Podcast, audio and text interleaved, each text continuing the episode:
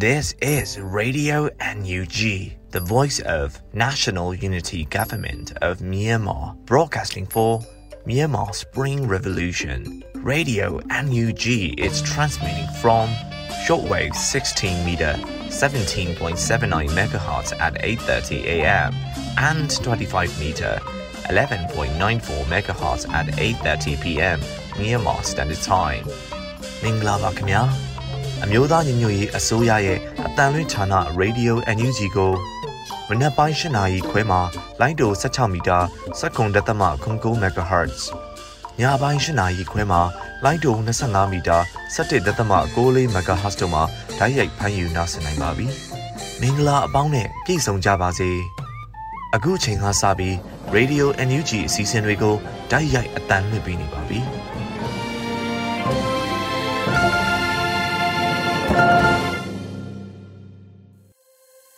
မြန်မာနိုင်ငံလူနိုင်ငံသားအပေါင်းတဘာဝပြီးဆရာနာရှင်ဘီရိုကနေကင်းဝေးပြီးကိုစိတ်နှပြဘေးကင်းလုံခြုံကြပါစေလို့ရေဒီယိုအန်ယူဂျီအဖွဲ့သားများကဆုတောင်းမေတ္တာပို့သလိုက်ရပါတယ်အခုပထမအဆုံးအနေနဲ့ကာကွယ်ရေးဝန်ကြီးဌာနရဲ့အစည်းအဝေးသတင်းအချင်းချုပ်ကိုတော့မျိုးဦးမောင်မှဖတ်ကြားတင်ပြပေးတော့မှာဖြစ်ပါတယ်ရှင်ယခုတင်ဆက်ပေးမှာကတော့ကာကွယ်ရေးဝန်ကြီးဌာနအမျိုးသားညီညွတ်ရေးအစိုးရမှထုတ်ဝေသောနိုင်စဉ်စီရေးသတင်းအချင်းချုပ်ပဲဖြစ်ပါတယ်။ စစ်ကောင်စီတပ်သားတေဆုံး30ဦးစစ်ကောင်စီတပ်သားဒဏ်ရာရ9ဦး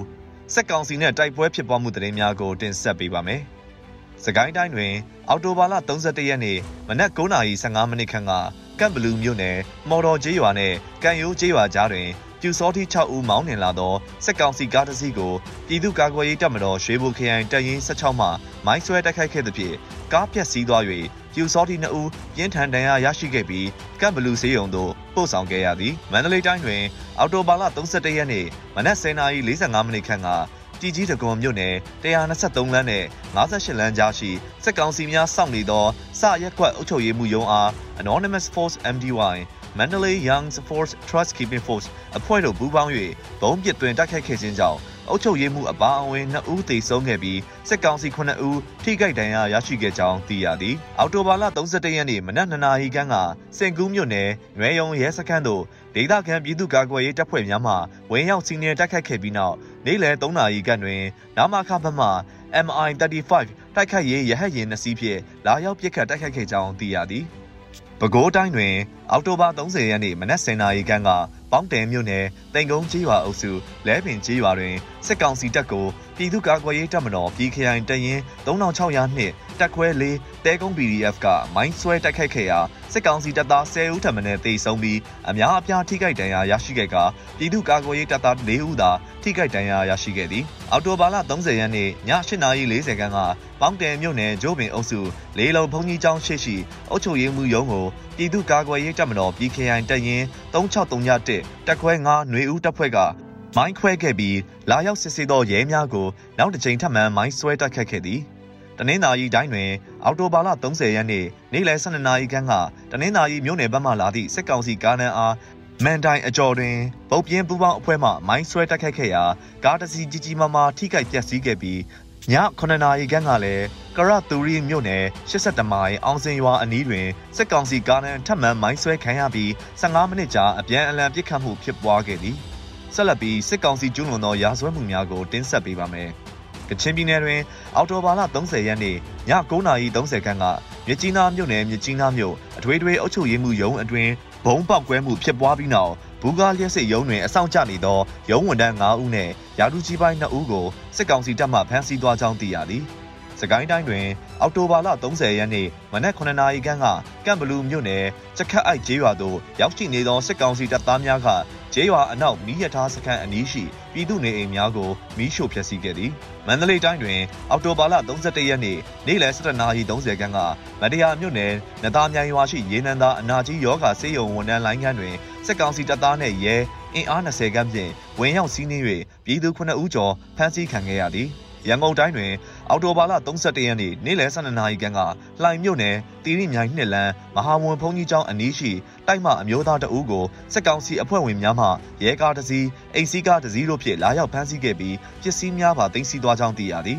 တနင်္သာရီတိုင်းတွင်အော်တိုဘာလ30ရက်နေ့မနက်8:50ခန်းကတရချောင်းမြို့နယ်ကြောက်လေကားကျေးရွာတွင်စစ်ကောင်စီတပ်သားများကပြည်သူနေအိမ်များကိုရိုက်ဖွင့်၍ပစ္စည်းများကိုလူယူခဲ့သည်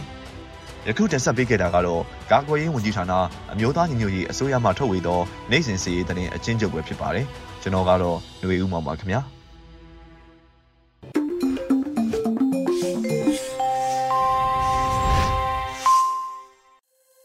ရေဒီယို NUG မှဆက်လက်အသံလွှင့်ပေးနေပါတယ်။အခုဆက်လက်ပြီးနောက်ဆုံးရသတင်းများကိုတော့လွတ်လပ်လွေဦးမှတင်ပြပေးမှာဖြစ်ပါတယ်ရှင်။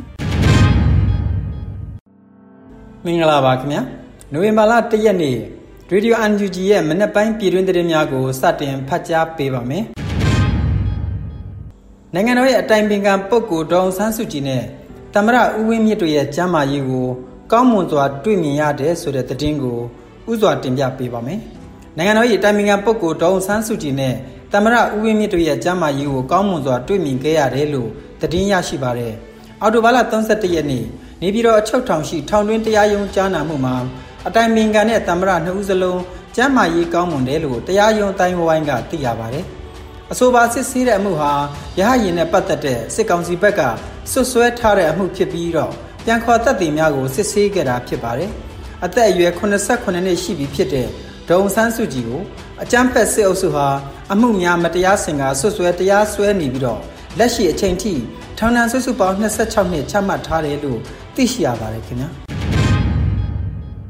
ဆက်လက်ပြီးမြန်မာနိုင်ငံဆေးကောင်စီအပါအဝင်ဆေးနဲ့ဆေးနှီးနွယ်ဆိုင်ရာကောင်စီများအားလုံးမှ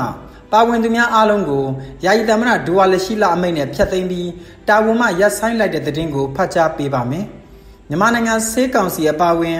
ဆေးနဲ့ဆေးနှီးနွယ်ဆိုင်ရာကောင်စီများအားလုံးမှပါဝင်သူများအားလုံးကိုယာယီသမ္မတဒူဝါလက်ရှိလအမိန့်နဲ့ဖျက်သိမ်းပြီးတာဝန်မှရပ်ဆိုင်းလိုက်တယ်လို့သိရှိရပါတယ်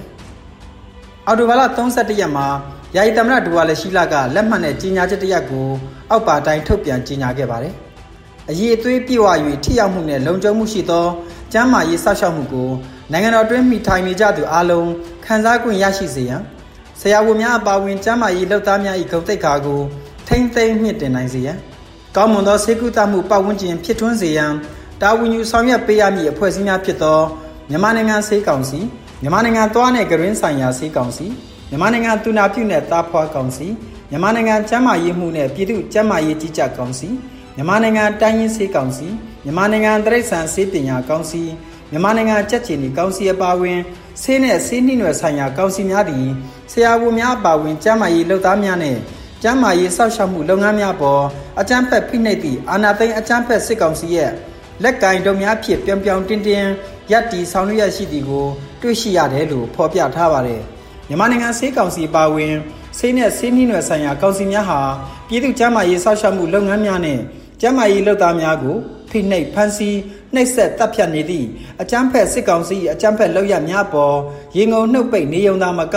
ပြည်သူ့ကျန်းမာရေးစောင့်ရှောက်မှုလုပ်ငန်းများနဲ့ကျမ်းမာရေးလှုပ်သားများပေါ်အကြမ်းဖက်စစ်ကောင်စီနဲ့အလိုတူအလိုပါဖိနှိပ်ဆောင်ရွက်နေမှုများစွာကိုလည်းအထောက်အထားခိုင်လုံစွာသိရှိရတယ်လို့ဆိုပါတယ်။ အဆိုပါမြန်မာနိုင်ငံဆေးကောင်စီအပါအဝင်ဆေးနဲ့ဆေးနှီးနွယ်ဆိုင်ရာကောင်စီများကိုတာဝန်ယူထိန်းကျောင်းဆောင်ရွက်နေသောနာယကများဥက္ကဋ္ဌများအလုံမှုဆောင်အဖွဲ့ဝင်များဗဟိုကော်မတီများသက်ဆိုင်ရာဆက်ဆက်ကော်မတီဝင်များအားလုံး၏လက်ရှိတက်တန်းကိုဖျက်သိမ်းပြီးတာဝန်မှရပ်ဆိုင်းပါကြောင်းကြေညာလိုက်တယ်လို့ဖော်ပြထားပါတယ်။အဆိုပါတာဝန်မှရပ်ဆိုင်းခံရသူအားလုံး၏လုပ်ငန်းဆောင်ရွက်မှုများအားလုံးကို2021ခုနှစ်ဖေဖော်ဝါရီလ1ရက်နေ့မှစ၍ရက်အကန့်အသတ်မရှိတရားမဝင်ကြောင်း သတ်မှတ်လိုက်တယ်လို့ဆိုပါတယ်။ဒါအပြင်မြန်မာနိုင်ငံဆေးကောင်စီအပါအဝင်ဆေးနဲ့ဆေးနှီးနွယ်ဆိုင်ရာကောင်စီများနဲ့ဆက်သွယ်ရမည့်လုပ်ငန်းဆောင်တာများကို Federal ကျန်းမာရေးပညာရှင်များကောင်စီ FHPC နဲ့သာဆက်သွယ်ဆောင်ရွက်ရမယ်လို့ပါရှိပါတယ်ခင်ဗျာ။ဆက်လက်ပြီးကတာမြို့နယ်နဲ့ဒပင်းမြို့နယ်တို့မှာပြည်ထရေးဝန်ကြီးအမိန့်နဲ့ပြည်သူ့ရဲတပ်ဖွဲ့များဖွဲ့စည်းတဲ့တည်င်းကိုဖတ်ကြားပေးပါမယ်။ စကိုင်းတိုင်းကတာမြို့နယ်နဲ့ဒပင်းမြို့နယ်တို့မှာပြည်ထရေးဝန်ကြီးအမိန့်နဲ့ပြည်သူ့ရဲတပ်ဖွဲ့များကိုဖွဲ့စည်းလိုက်ပါတယ်။အော်တိုဘာလ31ရက်မှာအမိန့်ကြော်ညာစာမှတ်30မြင်းဆောင်22နဲ့ပြည်ထရေးဝန်ကြီးဦးလွင်ကိုလတ်ကဖွဲ့စည်းလိုက်တာဖြစ်ပါတယ်။အမိန့်ကြေညာစာအရမြို့သားညွရေးအစိုးရပြည်ထရေးနဲ့လူဝင်မှုကြီးကြပ်ရေးဝန်ကြီးဌာနဟာပြည်သူ့ရဲတပ်ဖွဲ့ဥပဒေ14ခအပါဝင်ကတာမြို့နယ်ပြည်သူ့ရဲတပ်ဖွဲ့နဲ့ဒဗရင်မြို့နယ်ပြည်သူ့ရဲတပ်ဖွဲ့ကိုဖွဲ့စည်းလိုက်တယ်လို့ဖော်ပြထားပါတယ်။လက်ရှိမှာ ပြည်니ပြည်နယ်ရဲတပ်ဖွဲ့နဲ့ဝက်လာမြို့နယ်ရဲတပ်ဖွဲ့တို့ကလည်းရဲလုပ်ငန်းဆောင်တာများကိုဆောင်ရွက်နေကြပြီဖြစ်ပါတယ်။ကတာမြို့နယ်ပြည်သူ့ရဲတပ်ဖွဲ့ဖွဲ့စည်းလိုက်တဲ့မြို့နယ်ဟာမကြသေးမီကကတာမြို့နယ်တရားရုံးကိုဖွင့်လှစ်ကရုံးထိုင်ဆောင်ရွက်နေပြီလည်းဖြစ်တယ်လို့သတင်းရရှိပါတယ်။လက်ရှိမှာပြည်ထရေးဝန်ကြီးဌာနကိုဒေသခံပြည်သူများကအမှုခင်းတဲ့ပတ်သက်လို့တင်ပြတိုင်ကြားထားတဲ့အမှုပေါင်း300နီးပါးခန့်ရှိတယ်လို့သိရှိရပါတယ်ခင်ဗျာ။ ဆက်လက်ပြီးမြဝတီမင်းကြီးဆရာတော်ပြန်ဝင်တော်မူသော၍ကာကွယ်ရေးဝန်ကြီးကဝမ်းနည်းစကားဆိုလိုက်တဲ့သတင်းကိုဖတ်ကြားပေးပါမယ်။မြဝတီမင်းကြီးဆရာတော်ပြန်လွန်တော်မူသော၍ကာကွယ်ရေးဝန်ကြီးကဝမ်းနည်းစကားဆိုခဲ့ပါတယ်။အော်တိုဘာလ31ရက်နေ့မှာကာကွယ်ရေးဝန်ကြီးဌာနကအခုလိုဆိုပါတယ်။ဘဝနဲ့ထံပြန်လွန်တော်မူခဲ့တဲ့ຫນွေဦးသူရဲကောင်းဆရာတော်အရှင်ရိယာဝန္တဘိဝန္တမြဝတီမင်းကြီးကျောင်း၌ဆရာတော်အားအလေးမြတ်ဥတည်နှုတ်ဆက်ပါတယ်ဖရာလို့ဆိုထားပါတယ်။ မြဝတီမင်းကြီးဆရာတော်ရဲ့အန်တိမအကိစ္စပနအခမ်းအနားကိုထိုင်းနိုင်ငံမဲဆောက်မြို့တနေရာမှာအော်တိုဘာလ31ရက်နေ့မွန်းလွဲပိုင်းကနေကျင်းပခဲ့ပြီးတော့ဆရာတော်ရဲ့နိုင်ငံရေးအသိမိတ်ဆွေများတက္ကရာမများတက်ရောက်ခဲ့ကြပါတယ်။မြဝတီမင်းကြီးဆရာတော်ဗတ္တန္တရိယဝန္တာဘိဝန္တသသအဓမ္မစရိယဝတ္တန်တကာဟာထိုင်းနိုင်ငံမဲဆောက်မြို့တွင်သတင်းသုံးနေစဉ်ပြီးခဲ့တဲ့အောက်တိုဘာလ29ရက်နေ့ည10:30မိနစ်အချိန်ခန့်ကနှလုံးသွေးကြောပိတ်ဝေဒနာနဲ့ရုတ်တရက် ဘဝနတ်ထံပြန်လွန်တော်မူသွားခဲ့တာဖြစ်ပါတယ်ခင်ဗျာ။လာချင်းကောင်းပြီးဂုံပြောင်ခဲ့တဲ့ចောင်းသားတက်မတော်တော်လိုင်းခံယူချက်ပြည့်နဲ့လာရမှန်နိုင်ကြပါစေလို့လူခွင့်ရေးရဝန်ကြီးကဆုမွန်ကောင်းတောင်းလိုက်တဲ့သတင်းကိုတင်ပြပေးပါမယ်။လာချင်းကောင်းပြီးဂုံပြောင်ခဲ့တဲ့ចောင်းသားတက်မတော်တော်လိုင်းခံယူချက်ပြည့်နဲ့လာရမှန်နိုင်ကြပါစေလို့လူခွင့်ရေးရဝန်ကြီးဦးအောင်မျိုးမင်းကဆုမွန်ကောင်းတောင်းလိုက်ပါတယ်။ အော်တိုဘာလ31ရက်နေ့မှာလူခွင့်ရေးရဝန်ကြီးဦးအောင်မျိုးမင်းကဆိုထားပါတယ်။မနေ့ပြန်ဟာ APSDF ရဲ့နှစ်ပတ်လည်နေ့အမှတ်တရနေ့ဖြစ်ပါတယ်။လာခြင်းကောင်းပြီးဂုံပြောင်ခဲ့တဲ့အကြောင်းသားတက်မတော်ဟာတော်လိုင်းခံယူချက်ပြည့်နဲ့လားရမှန်နိုင်ကြပါစေမြန်မာနိုင်ငံလုံးဆိုင်ရာအကြောင်းသားများဒီမိုကရက်တစ်တပ်ဦးမကတတကျောင်းသားတက်မတော်မှာတာဝန်ထမ်းဆောင်ခဲ့ရလို့အမြဲကုန်ယူနေတယ်လို့ကိုကြောက်လဲမကတတမျက်နှာမညစ်စေရပါဘူးကြဆုံးသွားတဲ့ရဲဘော်ရဲမိများအားလုံးကိုဥညွတ်လေးစားလျက်လို့ ဆိုထားပါတယ်မြန်မာနိုင်ငံလုံးဆိုင်ရာကျောင်းသားများဒီမိုကရက်တစ်တပ်ဦး ABSDF ကို1988ခုနှစ်နိုဝင်ဘာလ1ရက်နေ့ကစတင်ဖွဲ့စည်းတည်ထောင်ခဲ့တာဖြစ်ပါတယ်ခင်ဗျာဆက်လက်ပြီးတင်ပြမယ့်သတင်းကတော့နယူးဒေါ်လာကြီးရဲ့အနှစ်သာရဟာပြည်သူအလုံးဘယ်သူညွှန်ကြားချက်မှမလိုပဲကိုယ့်အသိစိတ်နဲ့ကိုပါဝင်လာတဲ့အင်အားပဲဖြစ်တယ်လို့ပြည်တော်စုဝန်ကြီးဒေါက်တာတူးခေါင်ပြောကြားလိုက်တဲ့သတင်းဖြစ်ပါတယ်။ နယူးဒေါ်လာကြီးရဲ့အနှစ်သာရဟာပြည်သူအလုံးဘယ်သူညွှန်ကြားချက်မှမလိုပဲကိုယ့်အသိစိတ်နဲ့ကိုပါဝင်လာတဲ့အင်အားပဲဖြစ်တယ်လို့ပြည်တော်စုဝန်ကြီးဒေါက်တာတူးခေါင်ကဆိုပါတယ်။အော်တိုဘာလ31ရက်နေ့မှာတယန်စာတနဲ့တဘာဝပတ်ဝန်းကျင်ထိန်းသိမ်းရေးဝန်ကြီးဌာနကထုတ်ဝေတဲ့သတင်းလွှာမှာဝန်ကြီးကပြောဆိုထားတာဖြစ်ပါတယ်။ဒီဒေါ်လာကြီးရဲ့အနှစ်သာရဟာပြည်သူအလုံးဘသူညွှန်ကြားချက်မှမလိုပဲကိုယ်အသိစိတ်နဲ့ကိုပါဝင်လာတဲ့အင်အားပဲဖြစ်တယ်။ကိုလုံနိုင်တဲ့နေရာမှာကိုတာဝန်ကျေဖို့ပဲလိုတယ်။ ချိတ်ဆက်ဆောင်ရွက်ဖို့လိုတဲ့တချို့နေရာအခက်ခဲတွေကလွဲပြီးဒေါ်လာကြီးအင်အားစုတွေအားလုံးဟာမဟာမိတ်တွေပါပဲလို့ဝန်ကြီးကပြောပါတယ်2021ခုနှစ်ဖေဖော်ဝါရီလ1ရက်နေ့မှာစစ်တပ်ဟာနိုင်ငံတော်အာဏာကိုမတရားသိမ်းယူခဲ့ပါတယ်။၎င်းနောက်စစ်အာဏာရှင်စနစ်ဆန့်ကျင်ရေးຫນွေဥဒေါ်လာရေးလူထုလှုပ်ရှားမှုနဲ့အတူလူထုတပိတ်နဲ့လူထုဒေါ်လာရေးများယနေ့ထက်တိုင်ဆင်နွှဲလျက်ရှိကြပါတယ်ခင်ဗျာ။ဆက်လက်ပြီး မြန်မာနိုင်ငံမှာတင်သွင်းတဲ့နျူကလ িয়ার လက်နက်ဖျက်သိမ်းရေးဆုံးဖြတ်ချက်အဆိုမူကြမ်းကိုထောက်ခံမဲ118မဲနဲ့ကုလသမဂ္ဂမှအတည်ပြုလိုက်တဲ့သတင်းကိုဖတ်ကြားပေးပါမယ်။မြန်မာနိုင်ငံမှာတင်သွင်းတဲ့နျူကလ িয়ার လက်နက်ဖျက်သိမ်းရေးဆုံးဖြတ်ချက်အဆိုမူကြမ်းကိုထောက်ခံမဲ118မဲနဲ့ကုလသမဂ္ဂမှအတည်ပြုခဲ့ပါတယ်။89ကြိမ်မြောက်ကုလသမဂ္ဂထွေထွေညီလာခံပထမကော်မတီလက်နက်ဖြတ်သိမ်းရေးနဲ့နိုင်ငံတကာလုံခြုံရေးကော်မတီ၌ မြန်မာနိုင်ငံမှဥဆောင်တင်သွင်းသည့်နျူကလ িয়ার လက်နက်ဖြတ်သိမ်းရေးဆိုင်ရာဆုံးဖြတ်ချက်အဆိုမူခြင်းအားဆုံးဖြတ်အတည်ပြုခဲ့တယ်လို့ကုလသမဂ္ဂဆိုင်ရာမြန်မာအမြဲတမ်းကိုယ်စားလှယ်အဖွဲ့ရုံးကသတင်းထုတ်ပြန်ထားပါတယ်။မြန်မာနိုင်ငံမှဥဆောင်တင်သွင်းတဲ့နျူကလ িয়ার လက်နက်ဖြတ်သိမ်းရေးအဆိုမူခြင်းအားမဲခွဲဆုံးဖြတ်ရာထောက်ခံမဲ118မဲကန့်ကွက်မဲ42မဲကြားနေမဲ20မဲတို့ဖြင့်ကော်မတီမှအတည်ပြုခဲ့ပါတယ်။အဆိုပါမြန်မာနိုင်ငံမှနှစ်စဉ်တင်သွင်းသည့်နျူကလ িয়ার လက်နက်ဖျက်သိမ်းရေးဆုံးဖြတ်ချက်အဆိုမူကြမ်းကို မြန်မာအမြဲတမ်းကိုယ်စားလှယ်တာမတ်ကြီးဦးကျော်မိုးထွန်းကတင်သွင်းခဲ့ခြင်းဖြစ်ပါတယ်။အဆိုပါမူကြမ်းအားကုလသမဂ္ဂထွေထွေညီလာခံပထမကော်မတီအတွင်းရေးမှုအဖွဲ့သို့မတင်သွင်းမီလှုပ်ထုံးလှုပ်နည်းနဲ့ညီယခုအဆိုမူကြမ်းတွင်ပြောင်းလဲပြင်ဆင်မှုနှင့်မူကြမ်းတွင်ပါဝင်သည့်အချက်များအားအဖွဲ့ဝင်နိုင်ငံများအားရှင်းလင်းဆွေးနွေးသည့် informal consultation တရက်ကိုမြန်မာနိုင်ငံမှအင်ရှင်ဖြစ်ဥဆောင်၍ကုလသမဂ္ဂဌာနချုပ်မှကျင်းပခဲ့ကြပါသေးတယ်ခင်ဗျာ Spring Mandalay Investment မှာနှွေဦးရောင်စင်မြေကွက်များဝယ်ယူလိုသူများထပ်မံရှိနေ၍40ပေ60ပေမြေကွက်200ကိုထပ်မံရောင်းချပေးမဲ့တဲ့တင်ကိုဖတ်ကြားပေးပါမယ်။ Spring Mandalay Investment မှာနှွေဦးရောင်စင်မြေကွက်များဝယ်ယူလိုသူများထပ်မံပေါ်ပေါက်လာ၍40ပေ60ပေမြေကွက်200ကိုထပ်မံရောင်းချပေးမယ်လို့သတင်းရရှိပါတယ်။အော်တိုဘာလ31ရက်မှာမြေကွက်များနဲ့ပတ်သက်လို့ EOD ကအခုလိုအသိပေးပြောဆိုပါတယ်။ Spring Mandalay Investment ရဲ့ ຫນွေဦးရောင်စင် at ရဲတကွန်တောင်ရဲ့40ပေ60ပေမြေကွက်400ဟာ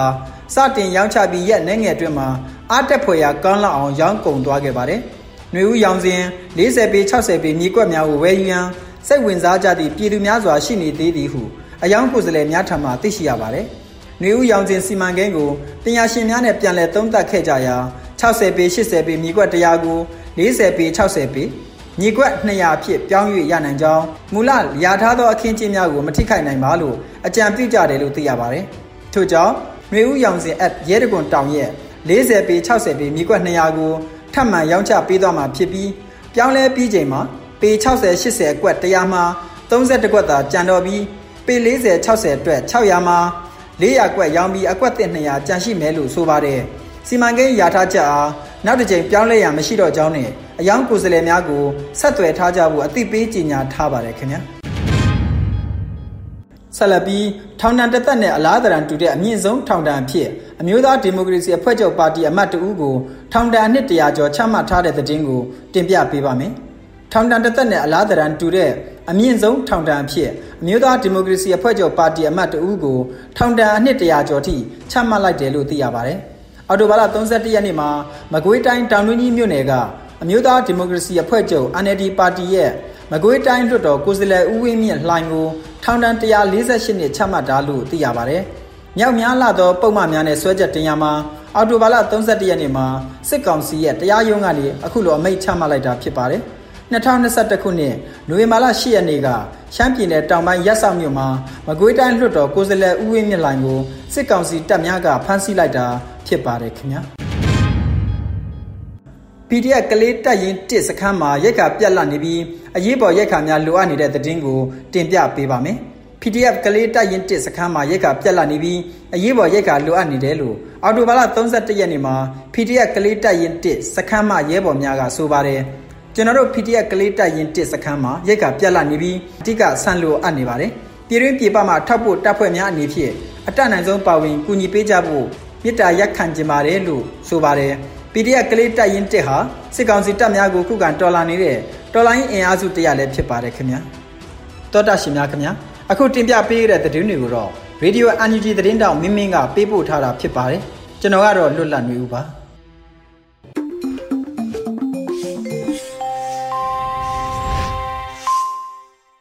ခုတင်ပြပေးမယ့်အစီအစဉ်ကတော့တော်လန်ရေးတေဂီတာအစီအစဉ်ဖြစ်ပါတယ်။အစ်ဇာဖုံးမြင့်မောင်နဲ့ဒေးဗစ်ထိုက်တို့ရဲ့ ရှေ့ဆက်ကြမယ်လို့အမည်ရတဲ့တော်လန်ရေးတေဂီတာကိုနားဆင်ကြရတော့မှာဖြစ်ပါတယ်။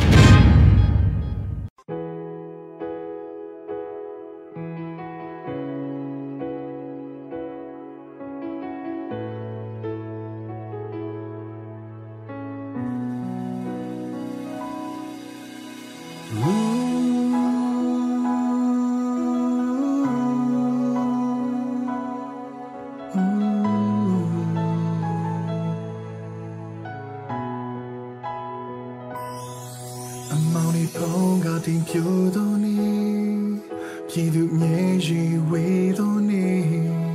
အာနာယူစီယူရီလက်ချေမာနာကတွေပြောင်းတော်နေ့ဘုံတွေဦးရဲ့ကဘာမချေဘူးကြည်စံကြမှာရိတ်သိမ့်ပြီအသက်ပေါင်းများစွာလက်မထမ်းမှာဘတော်မတော်ရမချေဘူး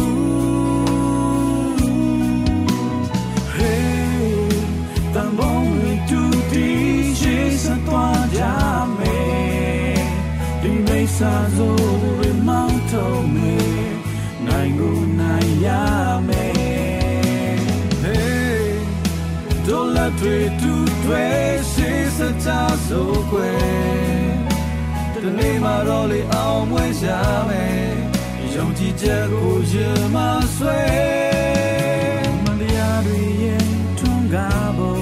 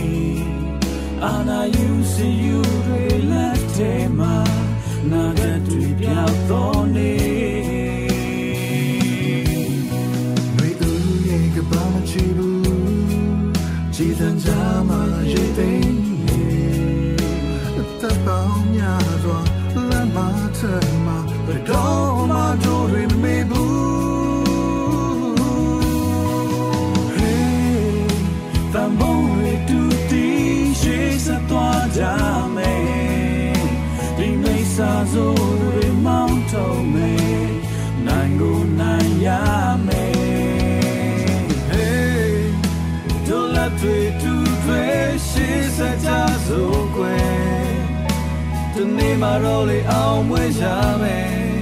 ယုံကြည်ချက်ကိုရှင်မဆွဲမန်တရားတွေရဲ့ထုံးကားဖို့တမိုင်းတွေရဲ့လာပါဖို့ Hey တမုံတွေတူတီရှိစကြစို့ကွယ်ဒီမိတ်ဆာစို့တွေမောင်းထောင်မေနိုင်ကိုနိုင်ရမယ်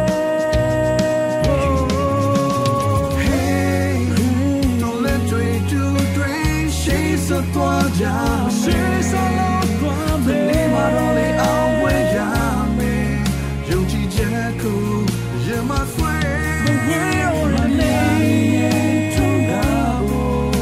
The mind we love ပါဖို့စတွေတွားငါတို့တွေ့ရဲ့တယ်အမှန်တရားတွေရဲ့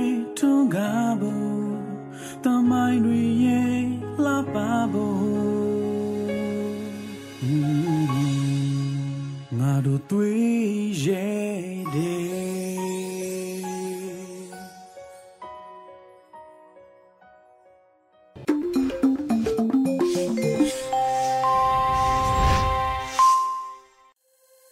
ရေဒီယိုအန်ယူဂျီမှဆက်လက်အသံလွှင့်ပေးနေပါတယ်အခုဆက်လက်ပြီးပြည်သူခုခံစစ်သတင်းများကိုတော့အောင်တွေဦးမှဖတ်ကြားတင်ပြပေးမှာဖြစ်ပါတယ်ရှင်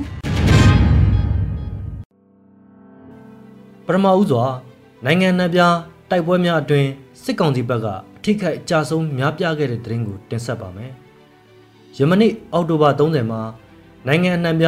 တိုက်ပွဲများအတွင်စစ်ကောင်စီဘက်ကအထိခိုက်အကြဆုံးများပြားခဲ့တယ်လို့ဒေသသတင်းရင်းမြစ်တွေရဲ့အတည်ပြုချက်ရသိရပါတယ်။ကီမီနယ်လုံကြပွဲတောင်တိုက်ပွဲများမှာစစ်ကောင်စီဘက်က80ကျော်ထိစံချင်းချင်းထိခိုက်တည်ဆုံသွားပြီးအနည်းဆုံးမုံမိတ်စေးရုံမှာစစ်ကောင်စီဘက်က တေဆုံးဒဏ်ရာရသူတွေနဲ့ပြည့်နှက်နေတယ်လို့ဆိုပါတယ်။အလားတူပဲစကိုင်းတိုင်းကမ်ဘလူတိုက်ပွဲတွေမှာလည်းစစ်ကောင်စီရဲ့တင်ကားတက်6006မှတပ်သား30ခန့်အထိထိခိုက်တေဆုံးသွားပြီး9ရက်တာတိုက်ပွဲတွင် PDF 3ဦးလဲကြာဆုံးခဲ့တယ်လို့သိရပါတယ်။အလားတူမြောင်နဲ့မုံရွာမှာလည်းစစ်ကောင်စီကင်းမုံများတိုက်ခိုက်ခံရလို့စက္ကစ10ဦးထက်မနည်းထိခိုက်တေဆုံးခဲ့ပါတယ်။ကရင်ပြည်နယ်နဲ့ပဲခူးတိုင်းမှာလည်းတိုက်ပွဲများပြင်းထန်နေပြီး စစ်ကောင်စီဘက်ကထိခိုက်တေဆုံးမှုတွေရှိခဲ့ပါတယ်။ဆက်လက်ပြီးတင်ဆက်မှာကမြင့်မြို့ကိုတွားတဲ့စစ်ရင်နန်းမိုင်းဆွဲတိုက်ခိုက်ခံရတဲ့သတင်းမှာတရင်နိုင်တိုင်းတဝယ်ဘက်ကနေမြစ်ဘက်ကိုထွက်ခွာလာတဲ့ကား73စီးပါစစ်ရင်နန်းကိုနှစ်ကြိမ်တိတိမိုင်းဆွဲတိုက်ခိုက်ခဲ့တယ်လို့တောကြီးမူရောက်အဖွဲ့ကဒီကနေ့သတင်းထုတ်ပြန်ပါတယ်။အောက်တိုဘာ28ရက်နေ့မွန်းလွဲ3နာရီဝန်းကျင်မှာမင်းထိန်ရွာနဲ့ပိုကုန်းရွာကြားမှာမိုင်းဆွဲတိုက်ခိုက်ချိန်မှာ စစ်ကောင်စီတပ်ဖွဲ့ဝင်20ဦးထက်မနည်းတေဆုံးခဲ့ပြီး10ဦးထက်မနည်းထိခိုက်ဒဏ်ရာရခဲ့တယ်လို့တောကြီးမူရောက်ဖွဲ့ကဆိုပါတယ်။နောက်ဆုံးအနေနဲ့ငတယောက်မြို့နယ်ရဲစခန်းဝစီမှုရဲ7ဦးတေဆုံးလက်နက်9လက်ရခဲ့တဲ့သတင်းကိုတင်ဆက်ပါမယ်။မန္တလေးတိုင်းညောင်ဦးမြို့နယ်ငတယောက်မြို့ရဲစခန်းကိုအော်တိုဘာ29ရက်နေ့ညနေ4နာရီကျော် PDF မဟာမိတ်တပ်ဖွဲ့ဝင်များပူးပေါင်းတိုက်ခိုက်ရာစခန်းမူဒူရဲအုပ်အပါဝင်ရဲ7ဦးတေဆုံးပြီးလက်နက်9လက်ရရှိခဲ့ကြောင်း အဆိုပါတိုက်ခိုက်မှုဟာမြောင်မြို့နယ်ပရိမကျွရရှိမင်းညံခရိုင်တရင်သုံးစခန်းကိုစစ်တပ်ကဝင်စီးမှုကိုလက်တုပ်ပြန်ခြင်းဖြစ်ကြောင်းမင်းညံခရိုင်တရင်သုံးရဲ့ပြန်ကြားရေးတာဝန်ရှိသူကပြောဆိုပါတယ်။အော်တိုဘာ29ရက်နေ့ညနေ4:30မိနစ်30အချိန်တောင်တာမြို့အနောက်ဘက်ဆလေးမိုင်ကွာငတယောက်နေမီရဲစခန်းကို45မိနစ်ခန့်ကြာဝင်ရောက်စီးနင်းတိုက်ခိုက်ခဲ့ရာမြင်းညံခရိုင်တရင်မှတ်3တက်ခွဲနှစ်မှတက်ခွဲမူ TTA ပျောက်ကြားတက်ဒူကောင်းဆောင် State Agriculture Institute SAI ပသိမ်ကြီးပရမတ်နှစ်ကျောင်းသားမောင်ဝေဖြိုးခေါ်ဝင်းကိုရှိန်အသက်22နှစ်ကြာဆုံးခဲ့ကြောင်းသိရပါတယ်။အဆိုပါတိုက်ခိုက်မှုမှာရဲအုပ်စခန်းမူဒူရဲအုပ်နေရင်းတက်ကြက်ကြီးအပါအဝင်ရဲ12ဦးတေဆုံးခဲ့ကြောင်းလက်နက် G3 လေးနဲ့ AK 2လက်နဲ့6လုံးမှုတစ်လက်စုစုပေါင်း9လက်သိမ်းဆည်းရခဲ့ပါတယ်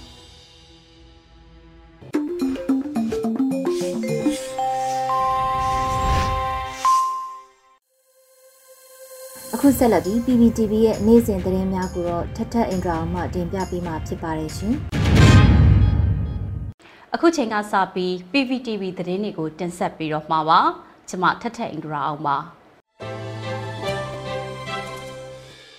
ပထမဆုံးတင်ဆက်ပေးမယ့်သတင်းကတော့ Inner Urban Force IUF အဖွဲ့ဝင်တချို့အကြမ်းဖက်စစ်ကောင်စီရဲ့ဖမ်းဆီးခြင်းခံရပေမဲ့လည်းရန်ကုန်မြို့လွတ်မြောက်ရေးနဲ့စစ်အာဏာရှင်စနစ်ကြာဆုံးတဲ့အထိဆက်လက်တိုက်ပွဲဝင်မယ်လို့အသိပေးလိုက်တဲ့သတင်းမှာရန်ကုန်အခြေဆိုင်မြို့ပြပျောက်ကြားတပ်ဖွဲ့တစ်ခုဖြစ်တဲ့ Inner Urban Force IUF အဖွဲ့ဝင်တချို့မှာအကြမ်းဖက်စစ်ကောင်စီရဲ့ဖမ်းဆီးခြင်းကိုခံရပေမဲ့လည်း ကျန်တဲ့ IUF အဖွဲ့ဝင်တွေကရန်ကုန်မြို့လွတ်မြောက်ရေးနဲ့စစ်အာဏာရှင်စနစ်ကြာရှုံးတဲ့အထိဆက်လက်ပြီးတိုက်ပွဲဝင်မယ်လို့အသိပေးထုတ်ပြန်ချက်ကိုဒီကနေ့မှထုတ်ပြန်လိုက်ပါတယ်။ထုတ်ပြန်ချက်ထဲမှာမကြခင်ရက်ပိုင်းကရန်ကုန်က IUF ရဲဘော်တချို့ဖမ်းဆီးထိသိမ်းခံရပြီးကျွန်ုပ်တို့နဲ့အဆက်အသွယ်ပြတ်တောက်လျက်ရှိပါတယ်။ဖမ်းဆီးခံရဲဘော်တွေရဲ့အသက်အန္တရာယ်ကိုစိုးရိမ်ရပြီး၎င်းတို့ထံကတရေအချက်လက်တချို့ပေါက်ကြားသွားပြီလို့မှတ်ယူလို့ရတယ်ဆိုပြီးတော့ဖော်ပြထားပါတယ်။ ဖမ်းဆီးခံရဲဘော်တွေနဲ့ဆက်ဆက်လျက်ရှိတဲ့ကွင်းဆက်တွေကိုအချိန်မီပြောင်းရွှေ့နိုင်ခဲ့တဲ့ဆိုတာနဲ့လွတ်မြောက်နယ်မြေကိုရောက်ရှိနေပြီဖြစ်တယ်လို့လည်းဖော်ပြထားပါတယ်။ IUF ရဲ့ကြန့်ရှိတဲ့ရဲဘော်တွေက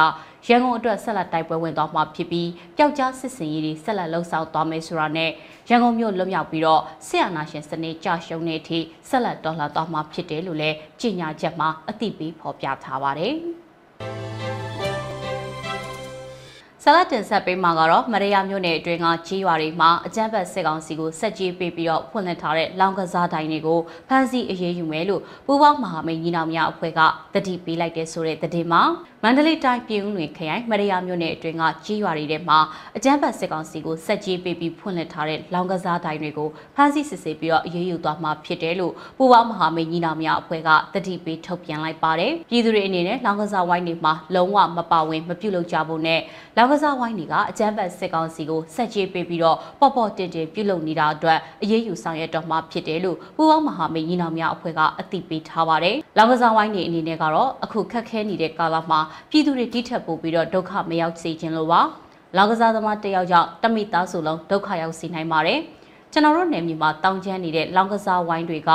ပုံဝိုင်း၊ကြက်ဝိုင်း၊ဖဲဝိုင်းဒါမျိုးတွေများပါတယ်။ ဒါကြောင့်ပြည်သူတွေအနေနဲ့အကြမ်းဖက်စစ်ကောင်စီကိုသွေးစွန်းငွေတွေမပေးမိကြဖို့သတ်မှတ်ထားတဲ့စီကံချက်တွေကိုလိုက်နာကြဖို့အသိပေးရခြင်းဖြစ်ပါတယ်လို့ပူးပေါင်းမဟာမိတ်ညီနောင်များအဖွဲ့ရဲ့ပြန်ကြားရေးတာဝန်ခံကပြောတာပါအခုလိုမျိုးပြည်သူတွေကိုတပ်ဖြတ်နေတဲ့ကြည်ဘိုးတွေမဖြစ်စေရေးအတွက်အကြမ်းဖက်စစ်ကောင်စီထုတ်ကုန်တွေနဲ့မူရစ်စေဝါတွေကိုရောင်းဝယ်ဖောက်ကားတာတွေမပြုလုပ်ကြဖို့အတွက်တားမြစ်ထားပါတယ်ပြင်ဦးလွင်ခရိုင်စင်ကူးမြို့နယ်တွေကလောင်ကစားဝိုင်းတွေကိုလည်းဒေသခံကာကွယ်ရေးတပ်တွေကဝင်ရောက်စီးနင်းပြီး လောင်ကစားတိုင်တွေကိုပြစ်ဒဏ်ချမှတ်တာတွေပြုလုပ်ထားပါတယ်။ကျေးဇူးတင်ပါတယ်ရှင်။ဒီကနေ့ကတော့ဒီညနေပဲ Radio NUG ရဲ့အစည်းအဝေးကိုခਿੱတရရလိုက်ပါမယ်။မြန်မာစံတော်ချိန်မနက်၈နာရီခွဲနဲ့ည၈နာရီခွဲအချိန်တွေမှာပြန်လည်ဆုံးဖြတ်ကြပါစို့။ Radio NUG ကိုမနက်ပိုင်း၈နာရီခွဲမှာလိုင်းဒို16မီတာစက္ကန့်တသမ9 MHz ညပိုင်း၈နာရီခွဲမှာလိုင်းဒို25မီတာ17တသမ6 MHz တို့မှာ ဓာတ်ရိုက်ဖမ်းယူနားဆင်နိုင်ပါပြီ။မြန်မာနိုင်ငံသူနိုင်ငံသားများကိုယ်စိတ်နှပြကျန်းမာချမ်းသာလို့ဘေးကင်းလုံခြုံကြပါစေလို့ Radio NUG အဖွဲ့သူအဖွဲ့သားများကဆုတောင်းလိုက်ရပါတယ်။အမျိုးသားညီညွတ်ရေးအစိုးရရဲ့စက်သွယ်ရေးသတင်းအချက်အလက်နဲ့ဤပညာဝန်ကြီးဌာနကထုတ်လွှင့်နေတဲ့ Radio NUG ဖြစ်ပါတယ်။ San Francisco Bay Area အခြေစိုက်မြန်မာမိသားစုများနဲ့နိုင်ငံတကာကစေတနာရှင်များလှုပ်အားပေးများရဲ့ Radio NUG ဖြစ်ပါတယ်။အရေးတော်ပုံ အောင်ရမည်